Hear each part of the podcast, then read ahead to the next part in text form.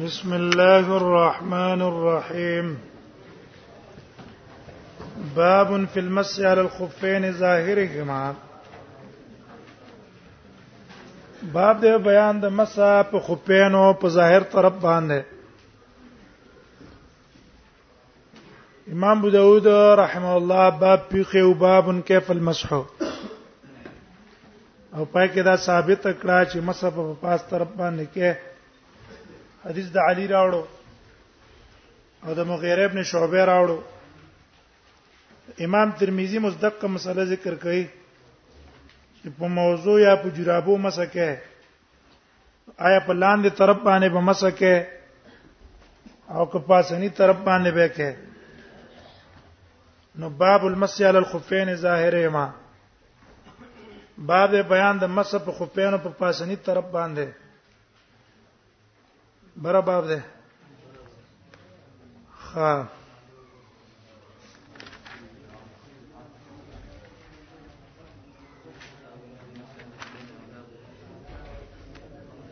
باب في مسألة الخفين اعلاه واسفله باب د بیان د مس په خفین په برخ کته د کې مکه مسله کوي ایا مسا په پاس طرف د خلاندې طرف سم مسا څنګه ده نو ابو داود کوم طریقه ویل کې فلمس سره د اختلاف نه د جمهور علما په نسبت باندې پاس طرف مسه واجب ده او لاندې طرف مسه مستحب ده کچا اونکړه خیره امام ابو حنیفه رحم الله مذهب دا ده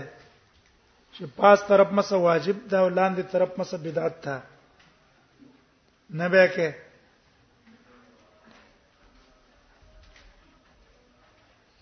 امام ترمذی وزدلته دا حدیث راوړي رجاء ابن حیوا ان کاتب المغیره والا دا روایت بینی تاسو ابو داود کې ویله او په دې حدیث باندې څلور اعتراض او څلور علتونه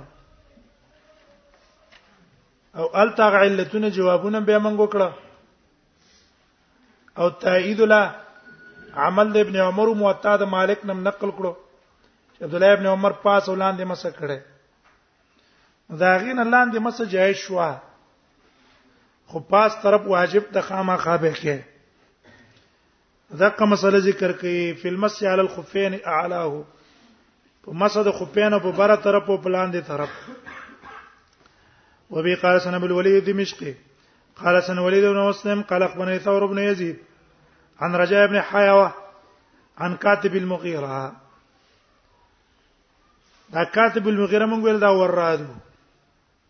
ټیک شو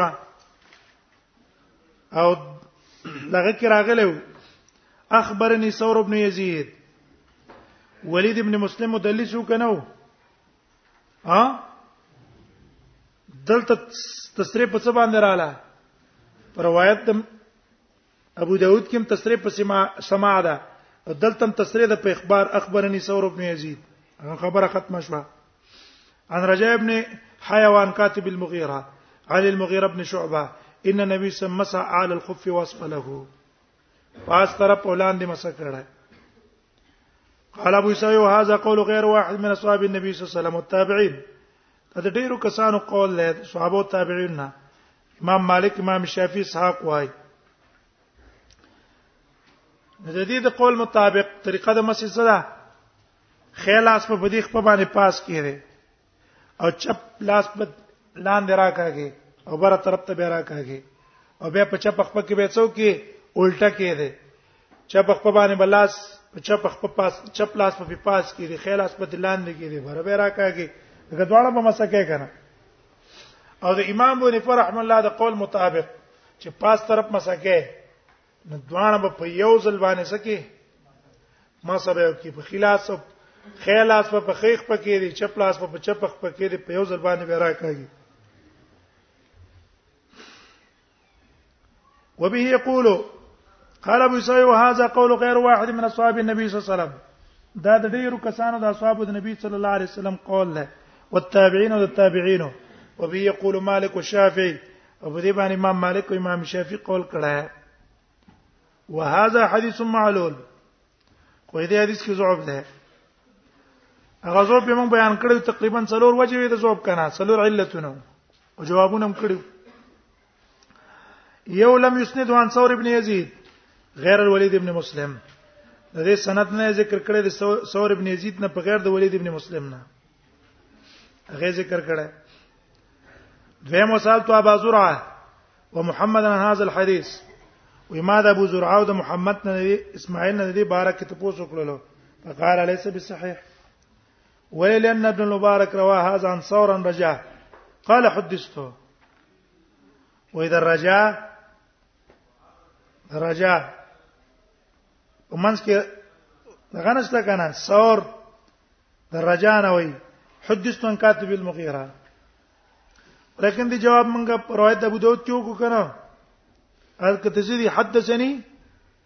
کاتب المغیره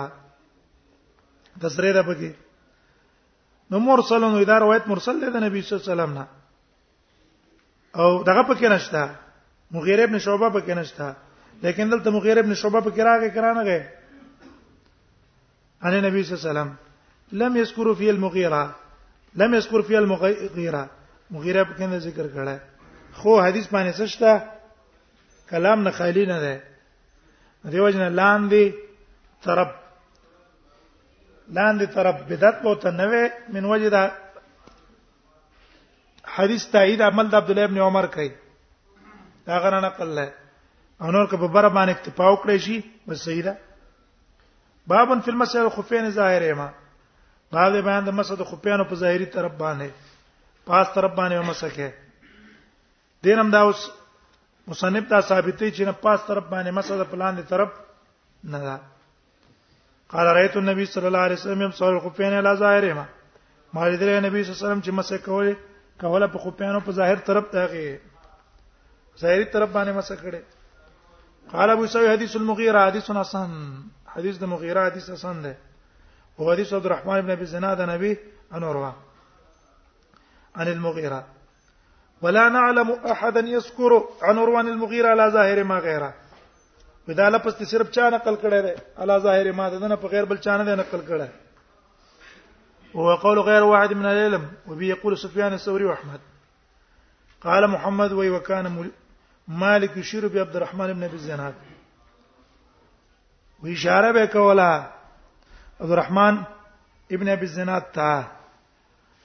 څه به اشاره ته کوله مان لک دغه به په کوله چې د پروایت کې څه شته لک زوب پکې شته شیرو معنا دا ده انا زویب په وته ویلو دلته ته پروت پچا کړه ده قال محمد دا په عبدالرحمن ابن ابي زناد کو کنه نبی انور وا باب في المساله الجوربين والنعلين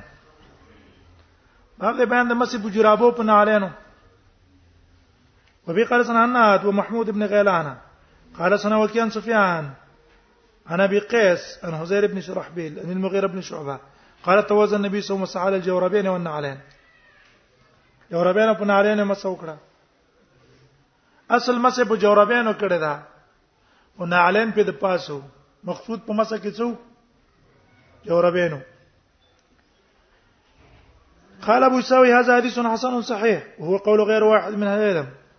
دا د ډېر علماو قول دی وبه يقول سفيان وثوري بن مبارك والشافعي واحمد واسحاق قالوا دي ويل يمسوا على الجوربين مسوا بجرابو کوي و ان لم يكونا اگر کني منعلن ټیک شو اگر کم څه نوي لاندې ته سرمن نه لګي دي منعل څه ته وای لاندې سرمن ته لګي دي اگر کاغه نه اذا كان تخينين او چې ګوره مضبوطی کله کی نری نه ټیک شو دا قید لګوله باقي تفصیل من بیان کو د مسه وفي الباب انا ابي موسى امام شافعي نړۍ را قوال نقل وکړه او امام شافعي د امام ترمذي ته دا قول نقل کو چې مجلد او منعل باندې صرف څه وي صرف دغه کافی او امام مالک مجلد منعل شرط وای امام بنفا اول کې مجلد او منعل شرط لگاو ورسته به رجوع کړ قول دا صاحبانو ته چې بس خینه نه لیکن د علی حدیث او د دې علماو منځ کې فرق دا دی چې دوی په کې قیدونه د سخیرانو لګای محد هغه په کې علی حدیث علماء په کې قید د سخیر نه لګی جرابو ته ویل کیږي اوس دا د وړي جورابه ده دا د سرمن دغه استل آسان دی دا جورابه څه ده دا ګرانه ده علت په مسه کې څه ده حرج ده کنه ده شریعت پنځه حرج ویل ده دی ویره دا غس د جورابه نه وي مونږ دا څوار لسمه صدای ده په دې کې ماشينونه دي مضبوط مضبوط شي نه جوړيږي دا جورابې نه نو صحابه جورابې خډېر کمزوري جورابې وي هغه چې مضبوطی جورابې نه وي هغه اخر چیش نه جوړولې دا جورابې وکنه د دې نه جوړولې نو یاره دا هغه د جورابې نه وي دغه جورابې وي په وخت کې نری کپڑے مې پیړې کپڑے مې دښوا چې قیدونه لګول د ځان نه چې الله او رسول نه ویلي سره قیدونه پکې لګي او فی الباب نبی موسی خا وسوای قال ابو اسوای خا و قال يوم سوال جوربين ولم يكن نعلن وفي الباب عن ابي موسى په دې باب کې د ابي موسی نه هم روایت ده ابو موسی روایت ابن ماجه روایت ده امام داود راوړیو او امام داود په تر دا کړو کنه چې دا روایت څنګه ده ليس بالقوي او داغه جوابونه منګل ته کړو چې نه روایت څه ده صحیح ده چا چې په کلام د انقطاع کړه ده کمزوري خبره ده باو ما جاء فی المسألة جوربین او به امام ابو داود څخه آثار هم ذکر کړو باو ما جاء فی المسألة جوربین باب د بیان د مسی په جوربین او په امامه څنګه څو کې دلته سره جوربین نشته صرف امامه ده په پټکی باندې مسه څنګه ده تفصیلی موږ بیان کړو دو سورتونه دي یو سورت اتفاقی ده چې ناسیه باندې مسو کې اتمام په امامه وکي اتفاقی مسله ده دوه مسله ده ده چې صرف مسه په امامه باندې وکي سره سر مسه نه کې دا سورت اختلافي د امام احمد اسحاق ابن راهوی داودی ظاهری او د علماء په نسبت جائز او جمهور قائل نه دي جمهور وايي چې دا محمول دی یا په دغه صورت باندې چې اتمام کړي او احناف وایي چې معتاد امام مالک قول نقل کړی دی بلغنا منتدار رسیدلی چې مسل خپین په اول کې و به رستو منسوخه شو لکه دا جوابونه ټول کمزوري دي سیدا دا چې دا درې وانه صورتونه جدا جدا ثابت دي